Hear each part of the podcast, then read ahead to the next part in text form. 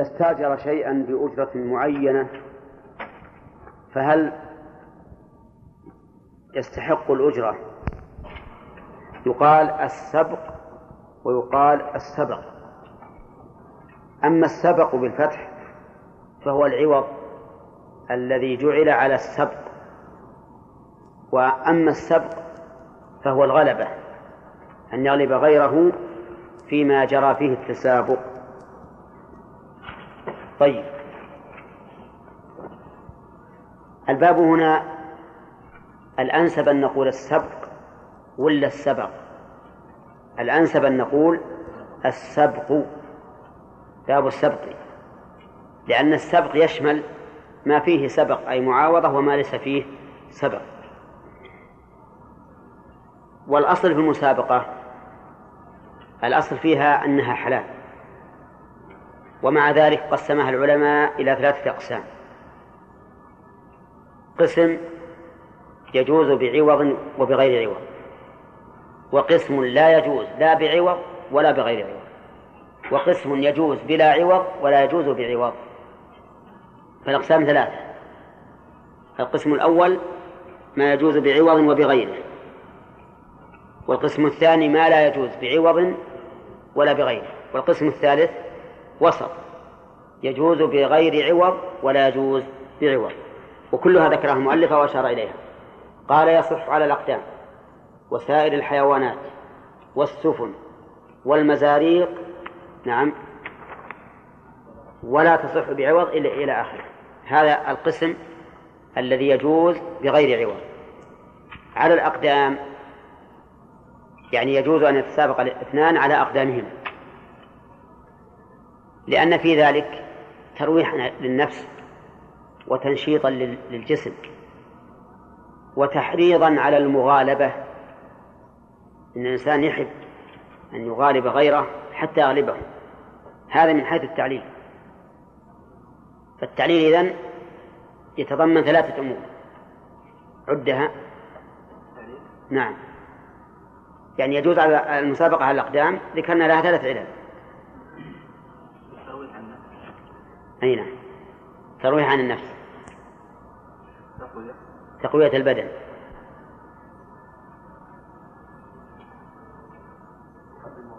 نعم. تعويد الإنسان على المغالبة وأن يغالب غيره وإن كان المغالبة قد تكون في خير وفي شر. لكن كون الإنسان راكد لا يحب أن يغلب ولا يغلب هذا لا شك أنه مهم مصلحته طيب أما الدليل فهو أن النبي صلى الله عليه وسلم سابق عائشة رضي الله عنها. ومسابقته لعائشة تدل على الجواز لأن النبي صلى الله عليه وسلم إذا فعل فعلا كان ذلك دليلا على جوازه. طيب ولا بد من تعيين المسافة ابتداء وانتهاء. ولا بد أن تكون المسافة مما يمكن إدراكه. فإن قال أسابقك من هنا إلى مكة من عنيزة إلى مكة. على الأقدام. يصح؟ ما يصح. لابد أن تكون مقيدة بمسافة معتادة. كذلك على على سائر الحيوانات. سائر الحيوانات الحمر البغال غيره. لا دعونا من الخيل والإبل. هذه لها حكم خاص. نعم. البقر البقر ما يمكن تركب البقرة؟ ها؟ لا يمكن. في بعض البلاد يركبونها. ها؟ أي الجاموس. الفيل. نعم. المهم سائر الحيوانات. اللي يمكن المسابقة فيها. السفن معروفة. يجوز المسابقة في السفن في الماء في البحر. وكذلك في السفن البحرية البرية وهي السيارات. وفي السفن الجوية وهي الطائرات. كذا ولا لا؟ تجوز المسابقة فيها. طيب لكن كيف تكون المسابقة في السيارات؟ في, الجري ولا في إيش؟ الظاهر في الجري.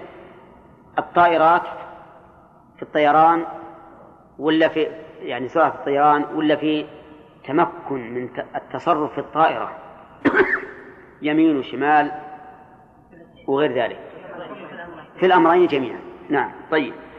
المزاريق يقول هو الرمح القصير. هذا المزاريق الرماح القصيرة يعني يحذفون هكذا أو يضربون بها يصح طيب. من ذلك مثل المزاريق آه، في بندق صغيرة تسمى إيش؟ لا يسكتون لا تسمى الظاهر محبة ها؟ اي هذه نجعلها مما مما سيأتي ولا نجعلها من جنس المزاريق الظاهر أنها لا تقتل العدو ولا يقاتل بها في العدو فتكون من جنس المزاريق ها؟ الحذف في الحصى أيضا مثله يجوز أيهما أطول أبعد أو أيهما أصوب يضعون شيء يعني يضعون هدفا يترامون عليه هذا أيضا لا بأس به طيب المصارعة تجوز المسابقة فيها ولا لا؟ تجوز المصارعة فيها المسابقة فيها أيهما يصرع؟ ها؟ لا الملاكمة الظاهر لا تجوز لأنها خطيرة. حسب ما سمعنا أنها, أنها خطيرة. وفيها ضرب على الوجه. هي؟ هي؟ لا الظاهر انه ما يتكلف بالوجه. الاصل ها؟ الأصل فيها الوجه. الاصل فيها الوجه حتى يدوخ ويطير اي طيب اذا نقول هذه ما تجوز لما فيها من الخطر ولما فيها من الوقوع فيما نهى عنه الرسول عليه الصلاة والسلام من الضرب على الوجه. طيب هذا القسم الأول الذي يجوز بلا بلا عوض. طيب ولكن يجب أن نعلم أن المباح إذا تضمن ضررا صار محرما. فلو أجريت المسابقة في هذه الأمور في وقت تمنع من صلاة الجماعة مثلا كانت المسابقة حراما. ولو أدى ذلك إلى العداوة والبغضاء والتحيز والتعصب كان ذلك حراما. طيب الكرة القدمية من هذا النوع؟ نعم. من هذا النوع يعني تجوز بلا عوض لأن فيها تقوية للبدن وفيها ترويح على النفس وفيها تعويض عن المغالبة. لكن بشرط أن لا يدخل التحزب المشين كما يوجد الآن من بعض الناس يتحزبون إلى نادي معين ويحصل بهذا فتنة يعني تصل إلى حد الضرب بالأيدي أو بالعصيان أو الحذف بالحجارة. قال و ولا تصح بعوض إلا في إبل وخيل وسهام. لا تصح يعني المسابقة بعوض إلا في هذه الثلاثة. الخيل والإبل والسهام. لقول النبي صلى الله عليه وسلم لا سبق إلا في نصر أو خف أو حافر لا سبق أي لا عوض إلا في هذه الثلاثة. وإنما جاز في هذه الثلاثة لما في المسابقة عليها من المصلحة العامة في الجهاد في سبيل الله. لأن الإبل فيها مصلحة عامة في الجهاد في سبيل الله وهي نقل الأمتعة والمجاهدين وغير ذلك. الخيل كذلك فيها الكر والفر السهام فيها الرمي أيضا. فهذه الثلاثة تجوز فيها المسابقة بعوض وبغير عوض. طيب لو أننا وجدنا في عصر الحاضر شيئا يشبه هذه هذه الأشياء كسيارات نقل الجيش مثلا وسيارة الجيب التي يكر عليها وفر والطائرات الحربية. هل يجوز تجوز المسابقة عليها؟ بعوض الجواب نعم لأن القياس هنا واضح إذ أن العلة فيها التنشيط على الجهاد في سبيل الله والتعويد عليه وهذا موجود في السيارات الخاصة بالحرب أما السيارات المدنية فهي من القسم الأول. لكن اشترط المؤلف المؤلف في هذا شروطا. قال ولا بد من تعيين المركوبين. تعيين المركوبين لأن لأنه إذا قال أسابقك على فرس وفرس ولم يعين لا يعلم هل هذا الفرس جيد أو ردي. وهل هو من من نوع غير النوع الذي عندي فلا بد من تعيين المركوبين. طيب الراكبين هل يشترط تعيينهما؟ المذهب لا يشترط تعيين الراكبين والصحيح أنه يشترط وهو مذهب الشافعي. وتعيين الراكبين أمر مهم. نعم لأنه قد يركب هذا الفرس من لا يجيد ركوب الخيل والفرس جيد ثم يغلب لأن راكبه لا يعرف. وقد يركبه راكب جيد وهو ردي الفرس فيسبق بناء على حذق راكبه. ولا أحد يشتبه عليه الأمر في أن للراكبين تأثيرا على سبق الفرس. فالصواب أنه لا بد من تعيين المركوبين وتعيين الراكبين. بل إن تعيين الراكبين أشد ضرورة من تعيين المركوبين. ولا بد أيضا من اتحادهما اتحاد المركوبين. في أي شيء؟ في النوع يعني أن يكون من نوع واحد. فلا تصح بين فرس هجين وفرس عربي. لأن نوع النوع يختلف. وكذلك في الإبل. لا يش... لا, يصح بين العراب والبخاتي لاختلاف النوع. قال ولا بد والرماة. الرماة يعني فيما إذا كانت المسابقة بالسهام فلا بد من تعيين الرماة لأن القصد معرفة حرقهم. وهذا لا يحصل إلا بالتعيين كما قال أو كما قال المؤلف. ولا بد أيضا من اتحاد النوع في القوسين. وفي عصرنا الآن نقول لا بد من اتحاد النوع في في السلاح. فلا يصح مثلا المسابقة في في بندقيتين مختلفتين. بل لا بد أن تكون متحدتي النوع شوف الشروط الآن. تعيين المركوبين. اتحادهما والصحيح الشرط الثالث تعيين الراكبين. في باب المسابقة في السهام لا بد من تعيين الرماة. أما القوسان فلا يحتاج إلى تعيينهما لكن لا بد أن يكون من نوع واحد. قال ولا بد أيضا من تحديد المسافة المسافة سواء كانت في في الفرس في الخيل والإبل أو السهام من تحديد المسافة. ابتداء وانتهاء ولا انتهاء؟ ابتداء وانتهاء. لئلا تختلف. كم المسافة المقدرة في السهام؟ يقول العلماء رحمهم الله لا تصح على أكثر من ثلاثمائة ذراع في السهام. طيب ثلاثمائة ذراع الآن؟ ليست بشيء. الآن يجعلونها تعبر القارات. السهام. فنقول إذن المثال الذي ذكروا أنها لا تصح على أكثر من 300 ذراع بناء على عرفهم وأن هذه بحسب قوة الرامي نفسه. أما الآن فصار فصارت القذيفة بحسب قوة السلاح. أما الرامي يمكن يجي واحد يا الله يحرك إصبعه و... و... ويغمز الزند ثم تنطلق القذيفة.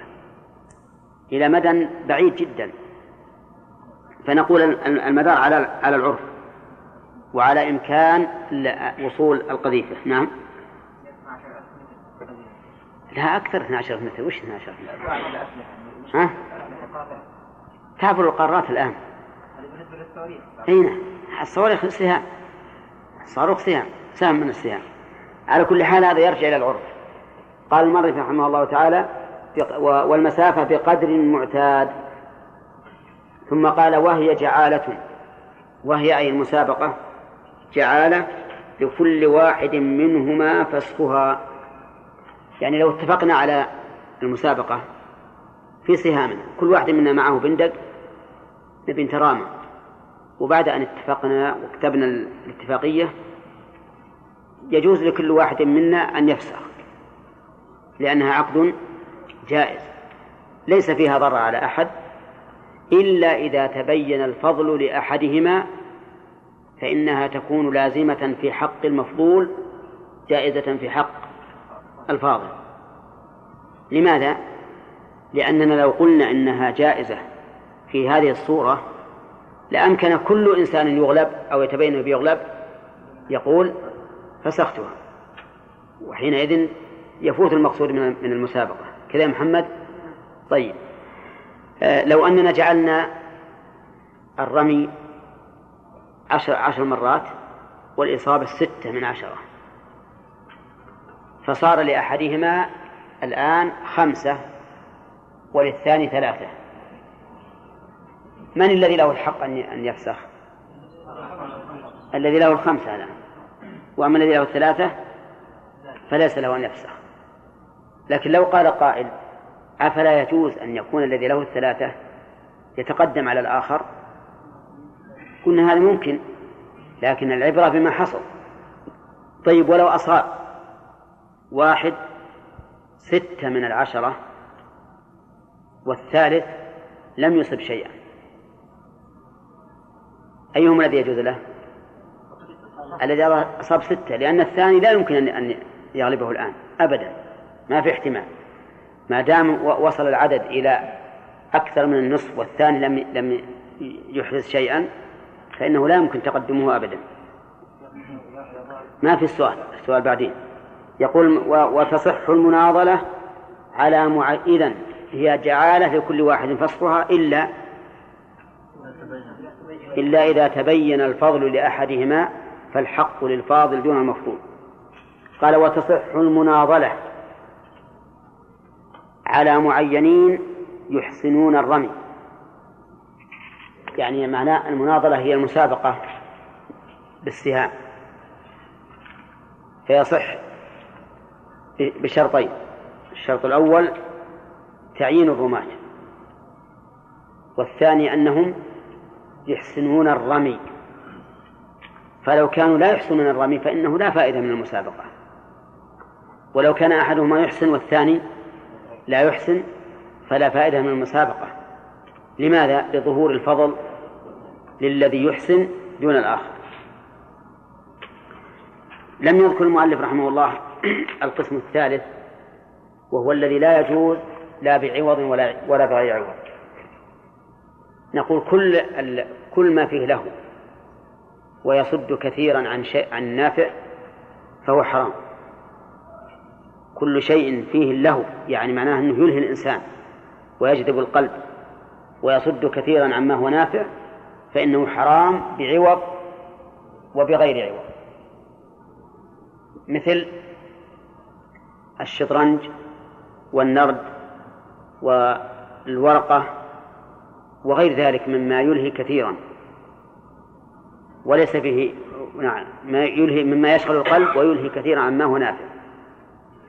أما ما لا يشغل القلب ولا يتعلق به القلب حين فعله ولا يشغل كثيرا عما هو نافع فهذا يدخل في القسم الأول. يدخل في القسم الأول. القسم الأول إذا كان يستلزم ترك واجب أو وقوع محرم فهو فهو حرام. طيب في ألعاب للقسم الثالث معينة ها؟ إيش؟ إيش؟ وش المنبول؟ هذه لعبة تجارية إيه لكنها تطول بالحيل وليس فيها فائدة هي تجارية هي؟ إي نعم هي عبارة عن لوح إيه وعليه مربعات وفنادق وشقق وكذا إيه ويلعب فيها بالحظ هذه يطول بالحيل يعني تقعد إيه طيب هذه حرام. وش الفائدة؟ ها؟ طيب التجارة من ما ما ليست مما ينتفع به في الدين. قد تنفع وقد تضر. طيب فيها أيضا فيها أيضا عدد في مربعات يدخل بعض البعض. ها؟ لا لا غير يعني باليد كبر اليد اي كبر اليد يقول لك طلع هذا لين لين يتفق اللي من نوع واحد في صف واحد.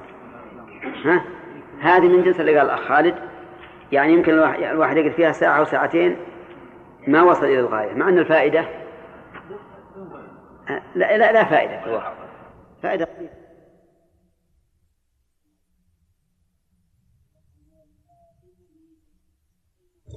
تو تلخبط؟ إذا معناه أنها ضارة معناه أنها ضارة وما بعد وقت. وهذه توجد كثيرا مع الصبيان. من جنس الآلة الحاسبة وفيها أرقام أو ألوان يقول حط كل واحد جنب الثاني. يقعد الواحد له ساعتين ثلاث ما زين شيء. ولا زين صف ما زين الصف الثاني.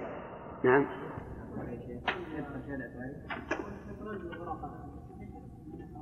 إي نعم. ها؟ الورقة والله الشيخ عبد الرحمن السعدي رحمه الله يحرمها. والشيخ ابن باز كان يحرمها وقال لي واحد إنه, يقول ما فيها بأس إذا لم تنهي عن واجب يمكن رجع ما أدري عنها. ها؟ لا لا لا. لأنها تلهي. الإنسان يقضبه يعني يقضي الليل كله ما ما شعر به. تلهي كثيرا. ثم فيها أيضا آه إلقاء العداوة والبغضاء. إي لكن الكورة بارك الله فيك فيها منفعة للجسم. حركة وجري ومشي. أبدا. أنا أنا قال لي بعض الإخوة اللي درسوا في أمريكا يقول تبين أن هذه الشطرنج وشبهه إنه من أكبر ما يكون ضرر على العقل والتفكير. لأن التفكير ينحصر في مثل هذا النوع من, من, من الفكر ينحصر في مثل هذا النوع مما يفكر فيه. مثل اللي يقرأ مثل علم الفرائض. ما يجيد علم علم فقه الصلاة مثلا. يقول؟ يبدأ العقل ما يعرف إلا ما كان مثل هذا النوع ولا يستريح إلا لما كان مثل هذا النوع وحينئذ يتضرر. وهذا صحيح.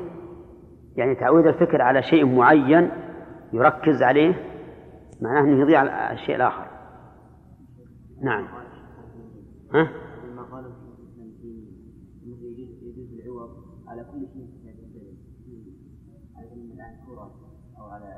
لا يجوز العوض من جانب آخر. ما هو في التسابق. يعني مثلا أنا قلت الاثنين تسابقا على الأقدام أو في المصارعة واللي يغلب أعطيك كذا وكذا. هذا مراد أما من الجانبين المذهب أيضا يشترطون هو انتهى الوقت. المذهب أيضا يشترطون أنه لا بد من محلل. لا بد من محلل. يعني واحد ثالث مع الاثنين يدخل معهم في المسابقة ولا ولا يجعل عوض. ولا يجعل عوضا. قالوا لأجل أن تخرج عن شبه القمار لأن المحلل الثالث إذا سبق أخذ العوض ولا وليس عليه غرم. ولكن هذا القول ليس بصحيح. الصواب أنه يجوز بدون محلل. نعم. نعم. كيف؟ تام من الوقت تام من الوقت يا أخي. اي والله ما أعرف. الضومنة وش الضومنة؟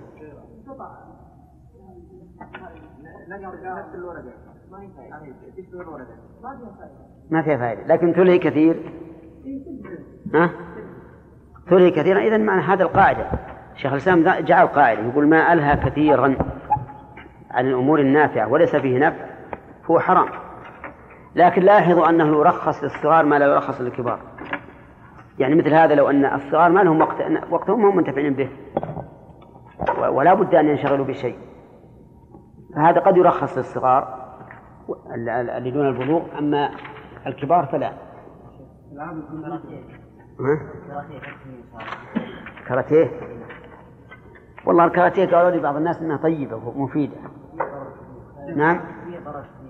لا ما فيها ضرر. هناك واحد يطلع الأول على المملكة. صار ينكسر ذراعه ورجله زين. أخر يا شيخ. لا يا أخي يقولون أنها جيدة مفيدة.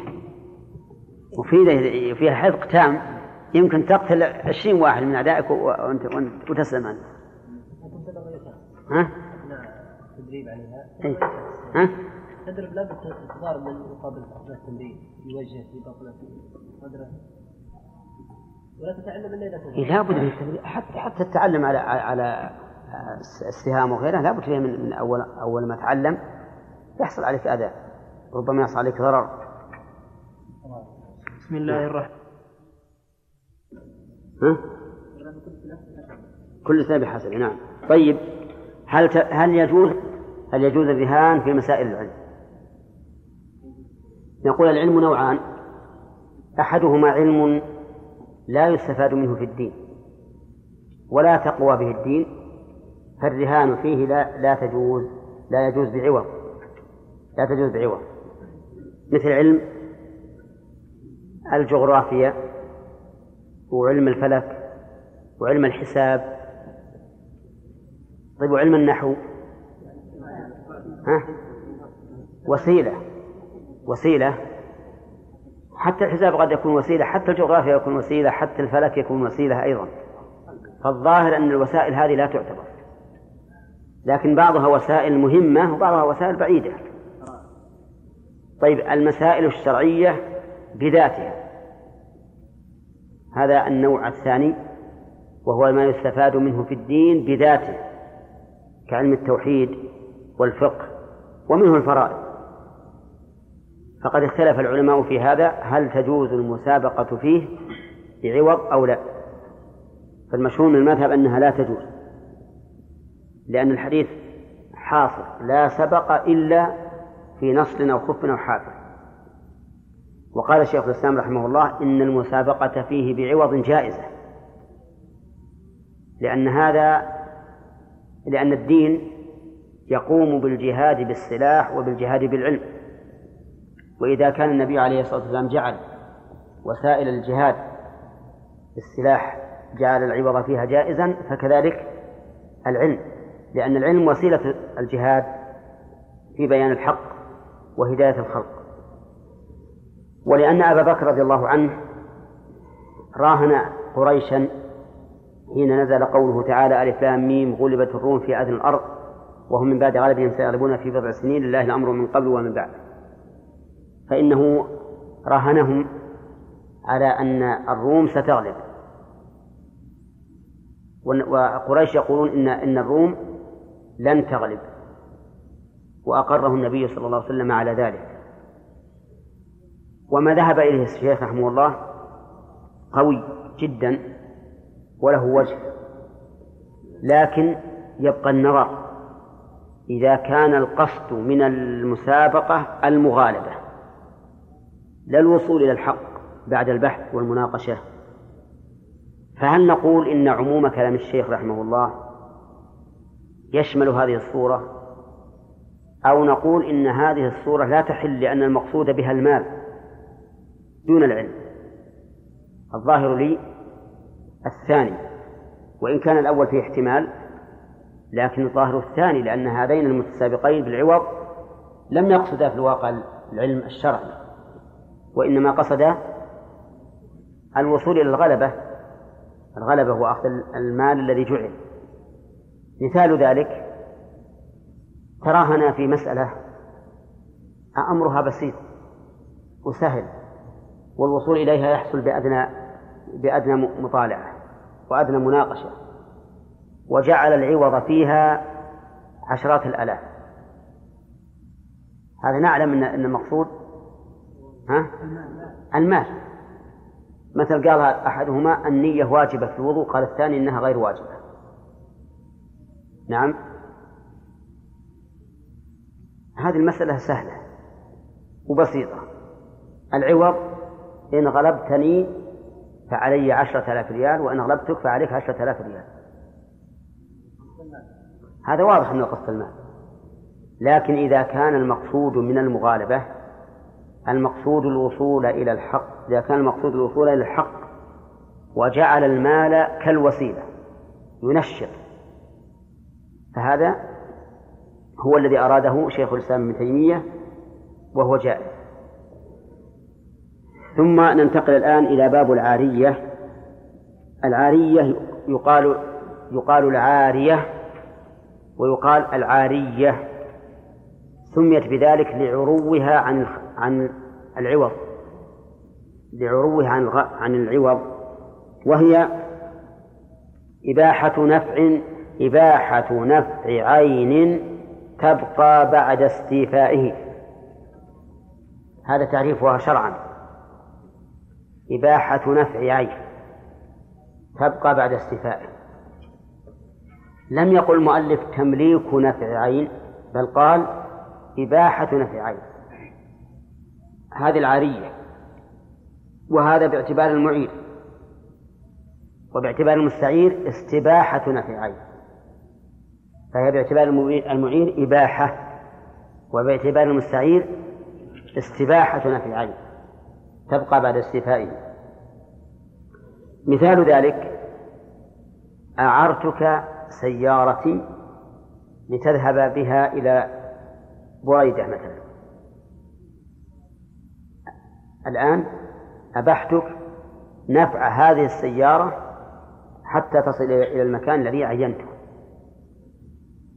ولا ولم أملكك النفع. ولهذا فالمستعير وعلى هذا فالمستعير لا يملك تأجير العين المستعارة. ما يملك تأجيرها. ولا يملك إعارتها لغيره ولا يملك نفعا سوى ما استعارها له. لأنه إنما إيش؟ إنما أبيح له فقط الانتفاع. ولم يملكه. أبيح له الانتفاع ولم يملكه. وقوله تبقى بعد استيفائه خرج بذلك ما لو أباحه. نفع عين لا ت... لا يمكن الانتفاع بها إلا بإتلافها. مثل أن أقول هذه دراهم أعرتك إياها. أعرتك هذه الدراهم لتقضي بها حاجتك. هذا لا يسمى إعارة. ليش؟ إذ لا يمكن الانتفاع بهذه الدراهم إلا بعد إتلافها وشراء شيء فيها. بخلاف ما إذا قلت أعرتك السيارة فإنك تنتفع بالسيارة مع بقائها. الفرق بينها وبين الإجارة أن الإجارة ملك للمنفعة. والاستعارة؟ ها؟ إباحة للمنفعة. ولهذا سبق لنا أن المؤجر يجوز أن يؤجر غيره ويجوز أن يعير غيره ويجوز أن يستوفي المنفعة بنفسه وبخادمه وغلامه وما أشبه ذلك. طيب قال إباحة نفع تبقى بعد استيفائه وتباح إعارة كل ذي نفع مباح. قول تباح يعني معناها أنه يجوز ولا ينفي ذلك الاستحباب مثلا. لا ينفي الاستحباب. فإذا قال قائل يعني كيف قال المؤلف تباح؟ نقول هذا بيان لما يباح لما تباح إعارته لا بيان لحكم العارية. انتبه. العبارة تباح إعارة كل ذي نفع مباح بيان؟ إذا فالعبارة يراد بها بيان؟ ما, ما الذي يعار؟ وليس المراد بيان حكم العارية. إذا فما حكم العارية؟ حكم العارية بالنسبة للمعير سنة. مستحبة. وبالنسبة للمستعير جائزة. أما أما الأول فلأن العارية من الإحسان. العارية من الإحسان. وقد قال الله تعالى وأحسنوا إن الله يحب المحسنين. والإحسان عام يشمل كل إحسان. أحسنوا إن الله يحب المحسنين. أما بالنسبة للمعير المستعير فهي مباحة لأن القرض أشد منها وأعظم منه ومع ذلك فقد أباحه الشارع. وقد وقعت العارية أيضا في عهد الرسول عليه الصلاة والسلام فإنه استعار من صفوان بن أمية استعار منه دروعا. استعار منه دروعا. إذا هي بالنسبة للمعير سنة وبالنسبة للمستعير جائزة مباحة. مباحة وقال بعض العلماء إن العارية واجبة في كل ما لا يحتاجه الإنسان. يعني لو طلب منك أحد أن تعيره شيئا وأنت لا تحتاج إليه وجب عليك أن تعيره. لكن بشرط أن تأمن هذا الذي طلب العارية أن تأمنه من إتلاف العارية أو إفسادها. فإن لم تأمن لم يلزمك. وإلى هذا ذهب شيخ الإسلام ابن تيمية رحمه الله. قال لأن الله تعالى قال فويل للمصلين الذين هم عن صلاتهم ساهون الذين هم يراؤون ويمنعون الماعون. يعني يمنعون إعارة الماعون وهذا وعيد. لهؤلاء الذين لا يقومون بهذا. وما ذهب إليه رحمه الله قوي جدا لأن العارية فيها دفع حاجة أخيك المسلم بدون إيش؟ بدون ضرر. أما إذا كان صاحبك إذا كنت تخشى من الضرر بإفساد هذا هذه العارية أو تخشى أن تتل أن يتلفها أو تخشى أن يهرب أو أن يجحدها فإنه لا يجب عليك أن تعيره. لكن إذا كان محتاجا وأنت مستغن عنها فإن الواجب الإعارة على رأي شيخ الإسلام ابن تيمية ولكن جمهور أهل العلم على أن ذلك مستحب وليس بواجب. وما ذهب إليه الشيخ الإسلام قوي جدا لظهور دليله. وقد يقال إنه لا إنها لا تجب العارية إلا حيث اضطر الطالب إليها. وأظن أن هذا حتى على المذهب. حتى على المذهب يجب إذا كان الإنسان مضطرا إلى ذلك أن يعيره إياه. لكن المذهب كما مر علينا يقيدون ذلك بالأجرة. على على على خلاف في ذلك. فالحاصل أن العارية بالنسبة للمعير سنة وقد تجب. بالنسبة للمستعير مباحة. ما الذي يباح إعارته؟ قال كل ذي نفع مباح. مثل ها؟ كتاب قلم ساعة بيت سيارة آه، مسجل أي شيء له نفع مباح. وعلم منه أن ما لا نفع فيه فلا تباح إعارته. ولكن قد يقال إن ما لا نفع فيه تباح إعارته لأنه ما فيه عوض. مثل إيش؟ كالمناظر الطبيعية مثلا لو جاء إنسان إليك وقال أنا والله عازم جماعة يحبون الفخفخة. نعم؟ وأحب أن تعطيني هذه المناظر الطبيعية عنده مثل لوحات فيها مناظر طبيعية أبى أعلقها بالجدار هذا النفع هذا نفع ولا لا؟ ما في نفع وش النفع؟ نعم أبدا ولا. لأن هذا يمشي فنقول هذا لا بأس به لأنه وإن لم يكن نفعا مقصودا ولا فائدة فيه فإنه لا عوض فيه حتى نقول إن الإنسان أتلف نفس ماله في غير فائدة. طيب مباح احترازا من؟ من ذي النفع المحرم. كرجل جاء إلى شخص يطلب منه أن يعيره آلة له. كالعود مثلا. تجوز إعارته؟ لا تجوز. ولكن بقاؤه عند المعير أيضا لا يجوز لأن الواجب تكسيره الواجب تكسيره. نعم. طلب.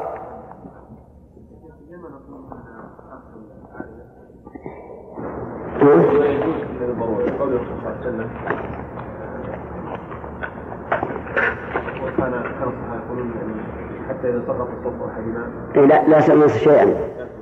أي لا هذا ما يضر لأنه جرى في العادة بأنه لا منة فيه في الغالب. كالقرض. القرض يجوز الرجل يستقرض ولا بأس به.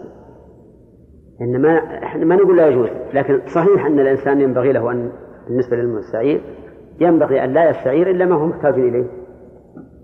أولا لئلا يوقع نفسه في- مذلة وثانيا لئلا يعرض نفسه لضمان شيء. فالعارية قد تتلف فيضمن فنقول نعم الأحسن الأولى أن لا تستعير إلا للحاجة. آدم؟ للطائرات؟ سياره يعني وما عنده إيش؟ وما عنده رخصه إيه. اذا طلب منك سياره في وجه طريقه أو كذا وفي منع من المرور يعني هل اذا ما اتيتوا في هذا؟ الضرر ولا إيش نقول بهذا؟ ما عنده رخصه ها؟ إيه لكن هل يقول هل يجوز إني أم- أمنع العارية هنا ولا لا؟ يجب إي نعم. الظاهر يجب يا آدم. وأنه لا يجوز أن تعطيه. لأنك نعم لأنك إذا أعطيته مكنته من السياق وهو ما عنده رخصة. وهذا تعاون على الإثم والعدوان. أفهمت؟ طيب. و و ولكن ولكن إذا كان إذا عرفت أن الرجل محتاج فأنت بنفسك تذهب بسيارتك. أنت أنت والسيارة نعم نعم مصطفى؟ اي نعم. وكأنه على البحر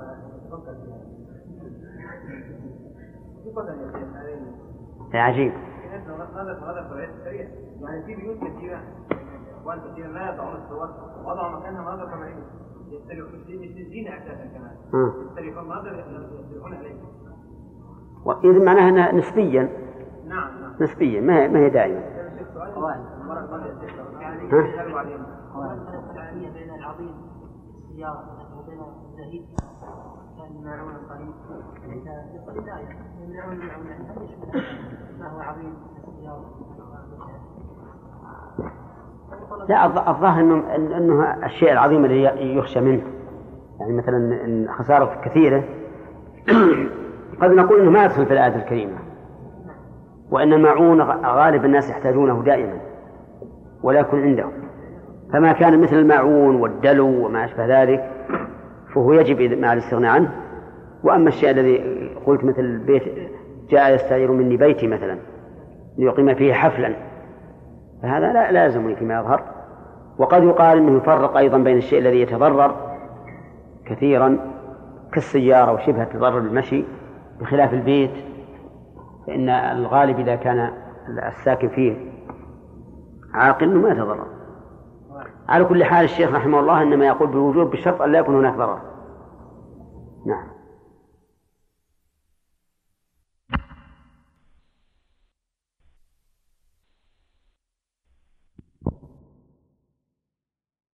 أن تستعين بها على أمر مباح. فليس على بر وتقوى. واضح؟ لكن الاستدلال بالآية الأخرى وأحسنوا إن الله يحب المحسنين هذا واضح. طيب الاستعارة حكمه مؤلف هذا من تدرس اليوم. تباح إعارة كل ذي نفع مباح إلا البضع.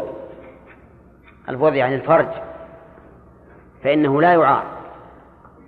فلو كان عند عند شخص أمه ورأى شابا أعزب فقال له أعرتك أمتي تجامعها فإن هذا حرام ولا يجوز لماذا؟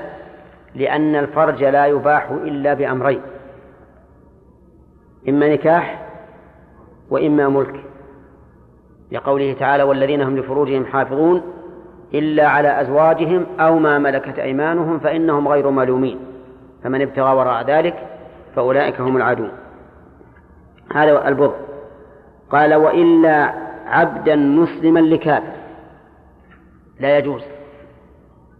يعني لا عندك عبد مسلم أعرته لكافر ليخدمه. فإن هذا لا يجوز. لأن فيه إذلالا للمسلم. فهذا الكافر سوف يتسلط على هذا المسلم ويؤذيه بالاستخدام. ربما يقول مثلا محش النجاسة اللي علي احمل علي على رأسك وما أشبه ذلك.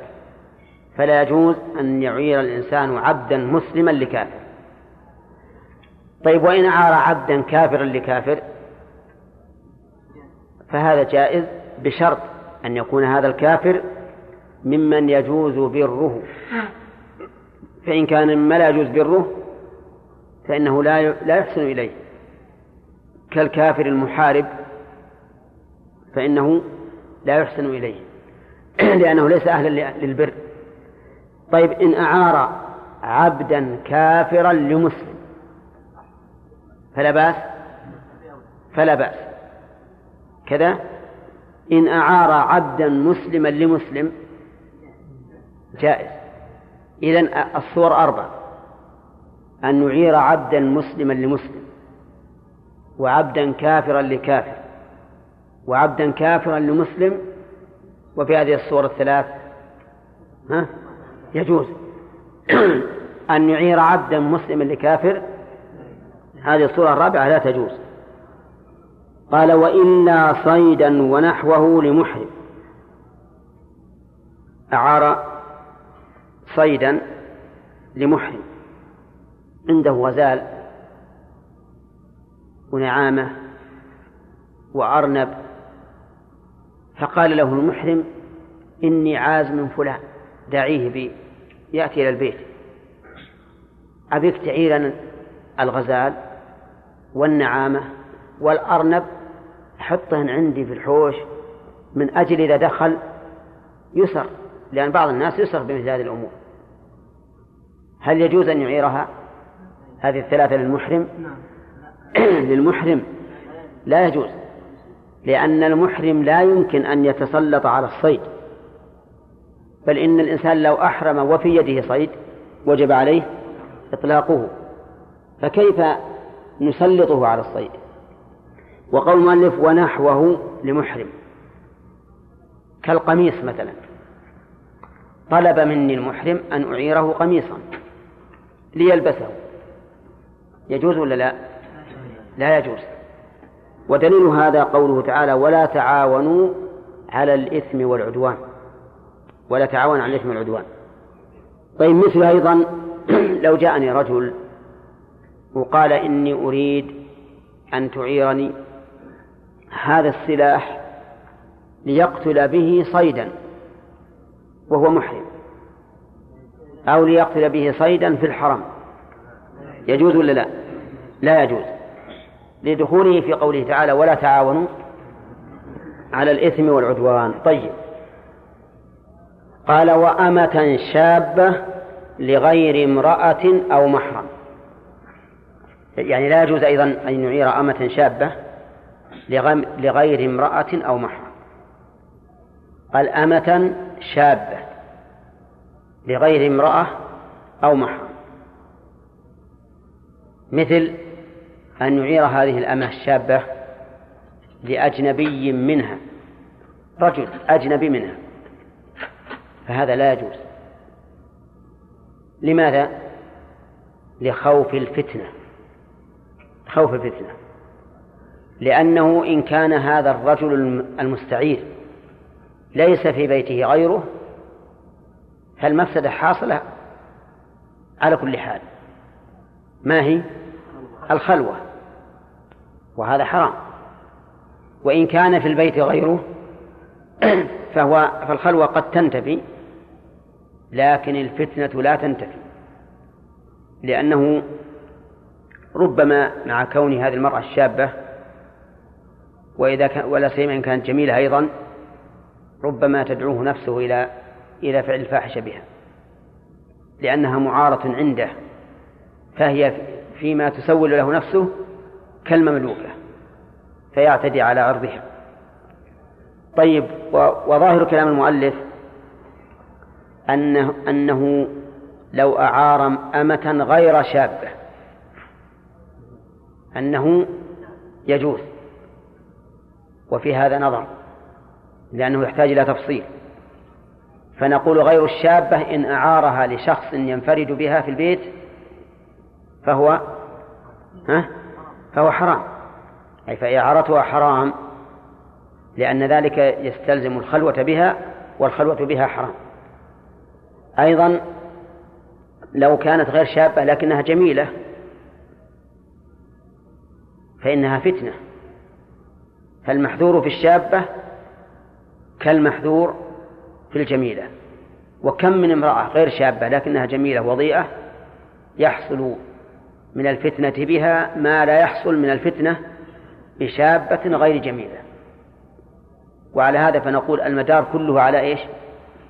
على الفتنة أو الوقوع في المحرم. فإذا كان إعارة الأمة تخشى منه الفتنة أو فيه وقوع في محرم كالخلوة فإن إعارتها حرام. طيب قوله أمة شابة لو أعار حرة شابة. لا نقول إعارة الحرة لا تجوز. إعارة الحرة أصلا لا تجوز. ولهذا ما قالها المؤلف لأنها غير مملوكة الحرة. والعارية لا تكون إلا من مالك. فهذا الإنسان لو جاءه شخص وقال أريد أن تعيرني زوجتك لأن عندي اليوم مأدبة. أبيك تعيرني إياه تساعدها لي. يقول بدل من أن يقول أبيك تعيرني إياه يقول إن عندنا حاجة خلها تجون يساعدونا. هذا جائز الأخير ولا لا؟ والأول غير جائز ما يمكن الإعارة تقع عليه. يقول مالك رحمه الله تعالى ولا أجرة لمن أعار حائطا حتى يسقط. لا أجرة لمن أعار حائطا حتى يسقط. يعني أنه لو أعار شخص حائطا له لشخص آخر يضع عليه خشبة فهد ثم في أف... ثم لما وضع الخشب وبنى قال له رجعت رجعت في عريتي فأعطني فأعطني أجرة على بقاء الخشب على الجدار. هل يجوز هذا أو لا؟ يقول لا لا يملك هذا. حتى لو رجع في العارية فإن رجوعه لا يقبل. لأن الرجوع في العارية حجاج على وجه يتضرر به المستعير لا يجوز. كقول النبي صلى الله عليه وسلم لا ضرر ولا ضرار. فهذا الرجل الذي أعارني حائطه وأبني عليه بعد أن بنيت وانتهى البناء رجع. يقول نحن الآن بين أمرين إما أن يلزمني بأن أنقض البناء وهذا ضرر علي أو يلزمني بالأجرة وهذا أيضا ضرر علي لأنني لو كنت أعلم أنه يطلب الأجرة لأقمت أعمدة أقيم عليها بنائي. حينئذ نقول لهذا الراجع لا رجوع لك ولا أجر, ولا أجر لك. إلى متى؟ قال حتى يسقط. فلو سقط الجدار فإن هذا الذي بنى على الجدار الأول لا يعيد البناء على الجدار الثاني إلا بإذنه إلا بإذنه. ما لم يحتج إليه فإن احتاج إليه فقد قال النبي صلى الله عليه وسلم لا يمنعن جار جاره أن يغرز خشبه على جداره. طيب علم من كلام المؤلف هنا أنه لا يجوز الرجوع في العرية إذا تضمن ذلك ضررا وهو كذلك كالجدار الذي أعاره للبناء عليه وكما لو أعاره سيارة ليذهب بها إلى الرياض. وفي أثناء المسير قالوا خلاص أنا رجعت في العرية ما يمكن تكمل المشوار إلا بأجرة. فنقول لا أجرة له. لأني الآن ما أتمكن من أن أنزل من السيارة وأستأجر سيارة أخرى. فإن كان يتمكن فإن كان يتمكن فلا فللمعير الرجوع. وكذلك لو أعاره سفينة. سفينة يذهب بها من جدة إلى مصر. في أثناء البحر قال هونت رجعت في العارية يمكن ولا لا؟ ها؟ ما يمكن. لماذا؟ لأن المستعير لا يتمكن من النزول. لا يتمكن من النزول. ولأن هذا يفتح باب باب شر. يأتي إنسان قد كسرت سيارته أو سفينته ثم يقول لشخص أنا أراك محتاجا إلى السفر عن طريق البحر وهذه سفينتي. فإذا ركبها وصار في لجة البحر قال رجعت في العارية فلا بد من ضرب الأجرة عليك مشكلة هذا لهذا نقول إذا تضمن الرجوع في العارية ضررا فإنه لا يجوز أن يرجع. ونمثل لهذا بالجدار وبالسفينة وبالسيارة. طيب بالزرع. لو أعاره أرضا ليزرعها. ثم زرع. خسر الرجل حارة الأرض. وأتى بالمكينة وأخرج الماء وأتى بالصبيان. وفي أثناء ذلك قبل أن ينتهي الزرع قال رجعت. يلا آه، خذ زرعك. هل يلزمه بهذا أو لا؟ لا يلزمه. هل له أجرة؟ الصحيح أنه ليس له أجرة. صحيح أنه ليس له أجرة لأن إذنه له بالزرع يستلزم رضاه ببقائه حتى يحصد. نعم. والمشهور من المذهب أن له الأجرة. إذا رجع في أثناء مدة الزرع لكنه قول ضعيف. ولا تكاد تجد فرقا بين هذا وبين الحائط والسفينة. طيب إذن لا يجوز الرجوع ولا يملك الرجوع في العادية إذا تضمن ضررا. ثانيا على قول الراجح أيضا إذا كانت العارية مؤقتة بوقت فإنه لا يجوز أن يرجع ما دام الوقت باقيا. مثل أن يقول أعرتك هذه لمدة شهر. لمدة شهر فلا يجوز أن يرجع في نصف الشهر. لقول النبي عليه الصلاة والسلام آية المنافق ثلاث. إذا حدث كذب وإذا وعد أخلف. وهذا الرجل الذي أعاره لمدة شهر إذا رجع في أثناء المدة فقد فقد أخلف. ولقوله تعالى وأوفوا بالعهد. إن العهد كان مسؤولا. وهذا قد عهد له أن أن تبقى هذه العين عنده لمدة شهر. ولقوله تعالى يا أيها الذين آمنوا أوفوا بالعقود. ولقول النبي صلى الله عليه وسلم المسلمون على شروطه. فالنصوص تدل على أن العارية المؤقتة لا يجوز الرجوع فيها قبل انتهاء الوقت. نعم. قال المؤلف وتضمن العارية بقيمتها يوم تلفت. تضمن العارية. أفاد المؤلف أن أن العارية مضمونة. بكل حال لقول تضمن العارية ولم يفصل. فالعارية مضمونة على المستعير سواء تلفت بتفريط أو بتعدي أو بغير تفريط ولا تعدي. انتبهوا يا جماعة. فإذا أعرتك أعرتك ما ما إناء أعرتك إناء فجاء اللص. فدخل البيت وأخذ الإناء. مع أنك قد أحكمت إغلاق البيت. فعليك الضمان؟ عليك الضمان على كلام المؤلف. احترق البيت بما فيه ومنه العين المستعارة. يضمن صاحب البيت ولا لا؟ يضمن على كلام المؤلف. مع أنه لم يفرط. فعليه إذن عليه الضمان سواء فرط أو لم يفرط. الدليل على ذلك قوله تعالى إن الله يأمركم أن تؤدوا الأمانات إلى أهلها. وهذه أمانة. وأنت مأمور بأدائها. وقول النبي صلى الله عليه وسلم على اليد ما أخذت حتى تؤديه. على اليد ما أخذت حتى تؤديه. وهذه عين مأخوذة فعلى المرء أن يؤديها. على المرء أن يؤديها. فاستدل هؤلاء بدليلين. من القرآن أحدهما من القرآن والثاني من السنة. وقال بعض العلماء إن العارية لا تضمن إلا بواحد من أمور ثلاثة.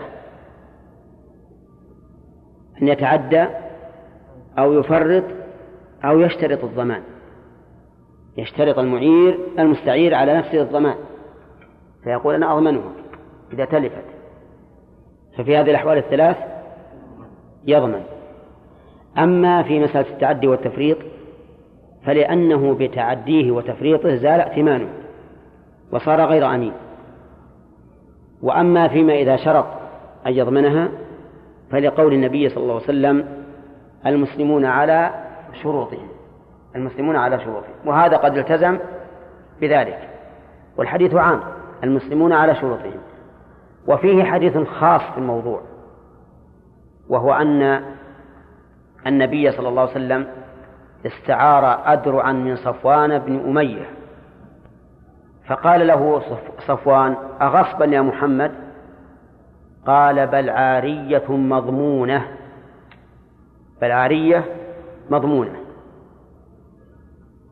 كلمة مضمونة من قال إن العارية مضمونة بكل حال قال إن مضمونة صفة كاشفة ليست مقيدة. والصفة الكاشفة لا يخرج عن الح... لا يخرج مفهومها عن الحكم. يصير معنى عارية مضمونة يعني العارية كأنه قال عارية وكل عارية مضمونة. والذين قالوا لا, لا تضمن إلا بشرط قالوا لأن النبي لأن مضمونة صفة مقيدة وليست كاشفة. وإذا تعارض القولان هل الصفة مقيدة أو كاشفة؟ فالأصل لا مقيدة. الأصل أنها مقيدة. وإن لأن الكاشفة لو حذفت لاستقام الكلام بدونها. والمقيدة لا بد من وجودها في الكلام. لا يتم الكلام إلا بها. والأصل أن المذكور واجب الذكر.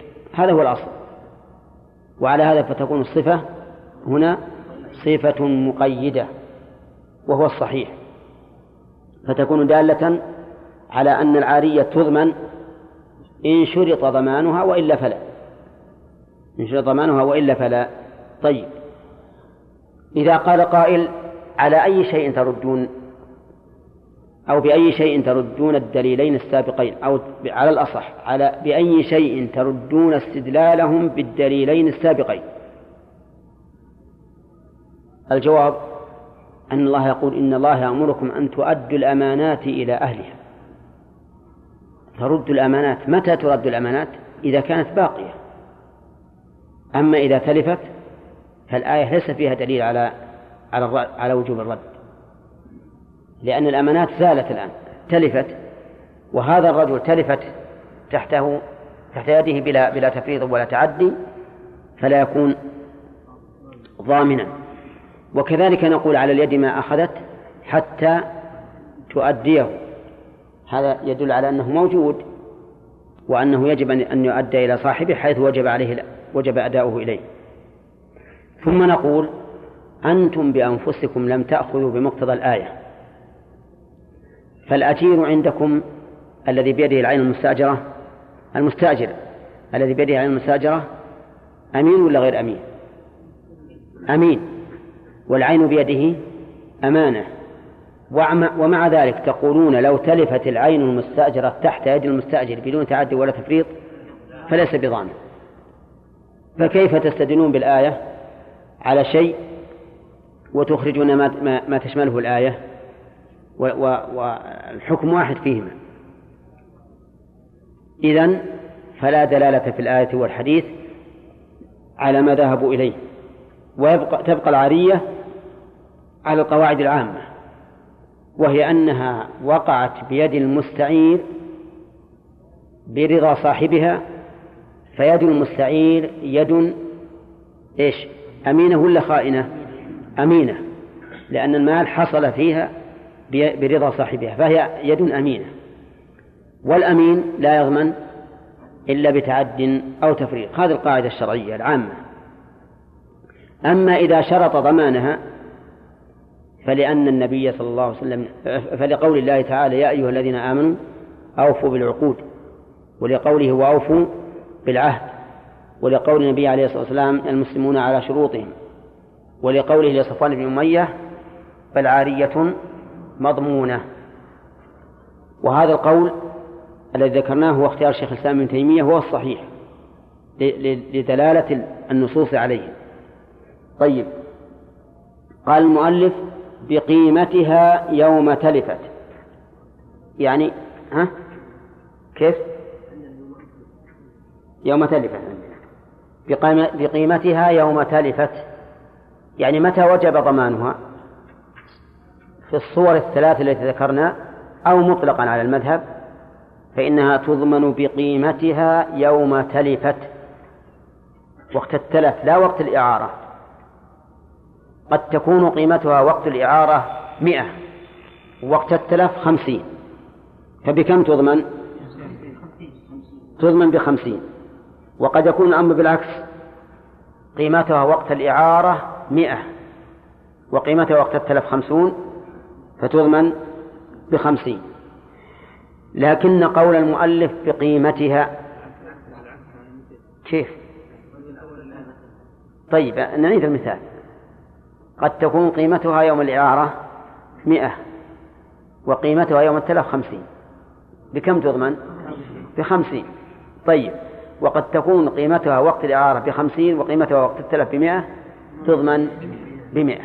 طيب إذن المعتبر وقت التلف لكن قول المؤلف بقيمتها فيه نظر لأنها لم تؤخذ على سبيل المعاوضة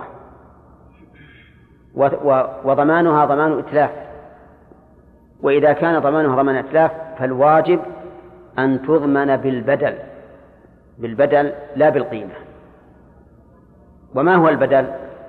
البدل هو المثل إن كانت مثلية والقيمة إن لم تكن مثلية. فإذا قدرنا أن هذا أن العارية أنها فناجيل. تعرفون فناجيل؟ ها؟ أكواب الشاي. ثم تكسرت فناجيل. يضمنها بقيمتها ولا بمثلها؟ بمثلها لأنها مثلية. ما يضمنها بالقيمة. يقول المعير أنا أريد فناجيل مثل ما أعطيتك. فله ذلك. لكن لو استعار شيئا لا مثل له.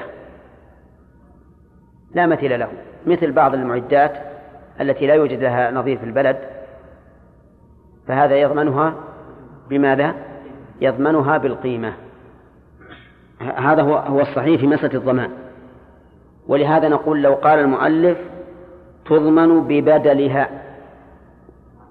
لكان أحسن. لأن البدل يشمل القيمة في المتقوم والمثل في إيش؟ في المثلي. فالضمانات كلها كلها تدور على هذا. ما كان ضمانه ضمان يد لا ضمان ملك فإنه يضمن بالمثل إن كان مثليا وبالقيمة إن كان متقوما. يستثنى على المذهب من ضمان العارية أربع صور. يستثنى أربع صور. الصورة الأولى إذا تلفت فيما استعملت له فيما استعملت له. كيف فيما استعملت له؟ يعني استعار مني ثوبا. الثوب هذا مع اللبس تقطع فلا ضمان على المستعير. لماذا؟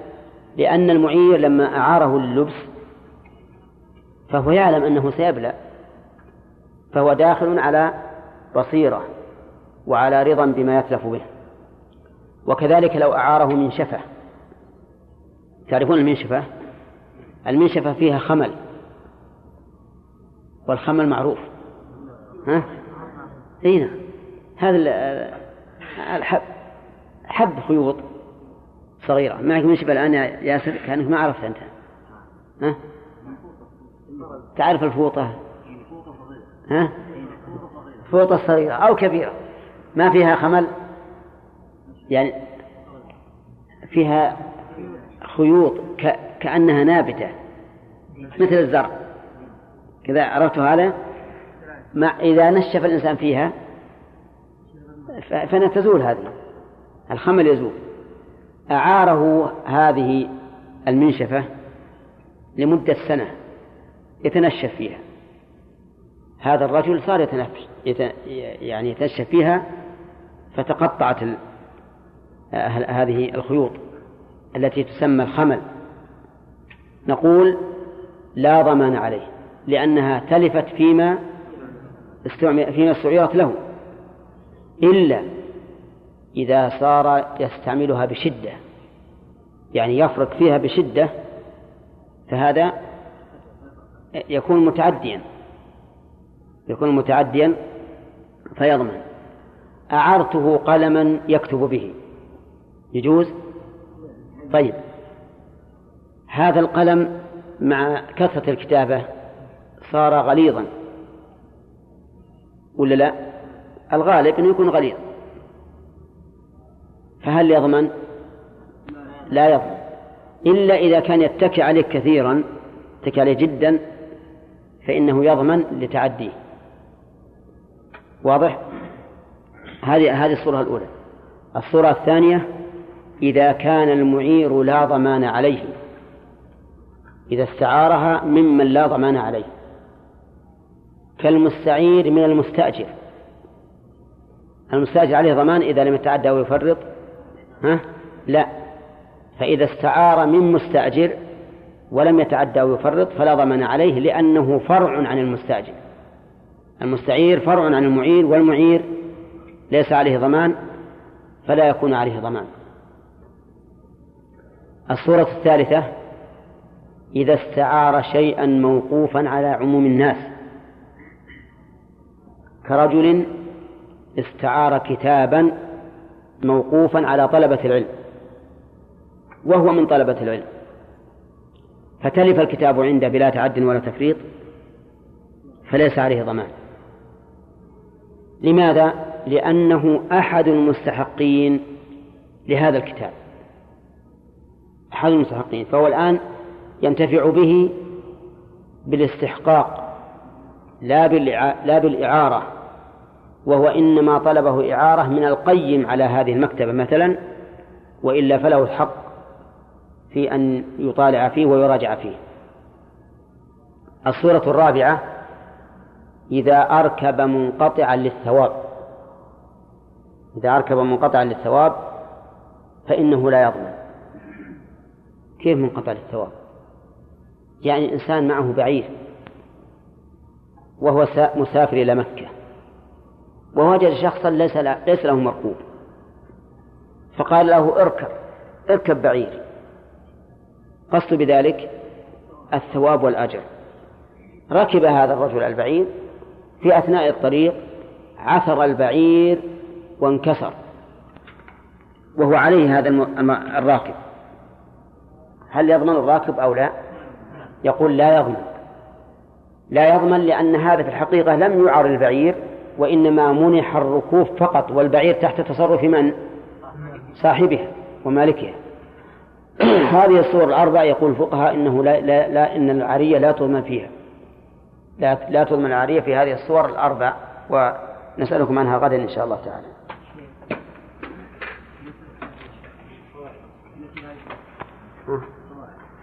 له لا لهم حق لكن لهم حق في أن نعم المسألة الثانية التي لا إذا كان معين لا ضمان عليه نعم. ذكرنا مثالا. استأجرت مني بعيرا لمدة عشرة أيام وأعرته فهد لمدة يومين في أثناء المدة هذه. فتلف عند فهد بلا تعدي ولا تفريط ولا ضمان عليه. أي نعم. ولا ضمان عليك أنت أيضا لأنه فرعك. نعم. المستحيل لا لا يجوز أن أن يعير أن يعير المصدر صحيح. لأنه ما ملكها نعم صح وليش وليش؟ لأن الآن هو أعار خطأ. نضمنه. لأنه لأنه ليس له حق في التصرف إلا هذا مستأجر أعار.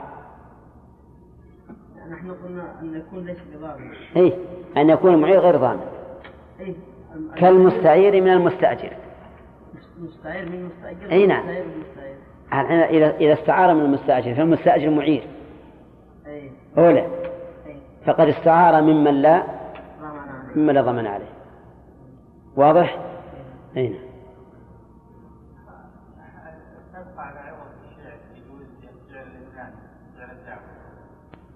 يعني إيش؟ أيهما أحسن ولا إيش؟ يعني أيهما أجمل وأيهما كتب الموضوع إيه. الظاهر أنه ما يجوز لا من باب العلم معرفة الحكم الشرعي. هو موجود لكن ما وجد أنهم يتسابقون فيه. بعوض يتسابقون فيه بعوض ما وجد. يقول هل يجوز الشرط في العارية بأن أقول لا أعيرك كتابي حتى تعيرني كتابك؟ أو هذا من باب الشغار. ها؟ أي المذهب لا يجوز لأن شرط عقد في عقد لا يجوز. والصحيح أنه أنه جائز ولا بأس به. لا بأس أني أشترط عليك أنك تعيرا كما لا, بأس على قول الراجح أن أقول لا أبيع عليك بيتي حتى تبيع علي بيتك. نعم سمع نعم. لو استعار مني دكانا ليجعله بنكا ربويا. يجوز أعيره ولا لا؟ إذا كل ما يستعان به على محرم فإنها لا تجوز إعارته والدليل قوله تعالى ولا تعاونوا على الإثم والعدوان جاء لمي واحد قال بك تعيرا دكانك لأن ودي أحلق فيها اللحى يجوز ولا لا؟ ليش؟ لأنه إعانة على محرم. إذا ناخذ قاعدة. كل ما أعير لفعل محرم فهو فإعارته حرام لقوله تعالى ولا تعاونوا على الإثم والعدوان. طيب ناخذ لجل ما نقول ما, ما قرينا اليوم ناخذ الفقرة هذه. ولو شرط نفي ضمانها هذا إشارة خلاف. لأن من العلماء من يقول إنها مضمونة إلا أن يشرط نفي الضمان. إلا أن يشترط نفي الضمان. من اللي يشترط؟ المستعير لأن الضمان عليه. فيقول معيرنا أريد أن تعيرني بشرط أن لا أضمن حيث لا يحصل تعد ولا تفريط. فإذا شرطنا في الضمان فإنه لا يضمن. وإن سكت يضمن. على كلام على القول هذا إن سكت يضمن. وإن شرطنا في الضمان ها؟ آه. إذا شرط نفي الضمان. لا يضمن. طيب هذا القول يقول إن الأصل في العارية الضمان. إن الأصل في العارية الضمان. ما لم يشترط نفي الضمان. فإن شرط نفي الضمان فلا ضمان. ما الفرق بينه وبين القول الذي الذي رجحنا؟ الفرق بينهما يحصل فيما إذا إذا سكت. إذا سكت. فعلى هذا القول يضمن ولا لا؟ يقول إذا شرط شف يقول يضمن إلا أن يشترط نفي الضمان. شف يضمن إلا أن يشترط نفي الضمان. فإذا جاءت العارية مسكوتة عن الضمان فهل يضمن على هذا القول؟ يضمن. طيب على القول الذي رجحنا يضمن ولا ما يضمن؟ لا يضمن. كذا؟ المذهب يقولون حتى لو شرط نفي الضمان فإنه يضمن. لو شرط نفي الضمان فإنه يضمن. فإذا استعرت منك ثوبا وقلت يا أخي الإنسان عرضة؟ أخشى أن هذا الثوب يحترق أو يسرق أو ما أشبه ذلك. قال أبدا ما عليك ضمان. فسرق أو أو احترق على المذهب. يضمن. ولو شاطنا في الضمان. كذا ولا لا؟ فالأقوال اللي عندنا الآن كم صارت؟ ثلاثة. فيه قول الرابع لا يضمن ولو شرط الضمان. قول الرابع لا يضمن ولو شرط الضمان. حجة هذا القول يقول لأن المستعير يده يد, يد أمانة. والأصل في يد الأمانة أو مقتضى عقد الأمانة أن لا ضمان. فإذا شرط الضمان كان شرطا منافيا لمقتضى العقد. والشرط المنافي لمقتضى العقد فاسد لا يقبل لا يقبل. كما لو شرط كما لو شرط الضمان في الإجارة مثلا فإنها لا فإنه لا يقبل لأنه شرط مخالف لمقتضى العقد. فصار الأقوال الآن ما شاء الله أربعة. نعم. الضمان مطلقا إلا في المسائل المستثنات وهذا إيش؟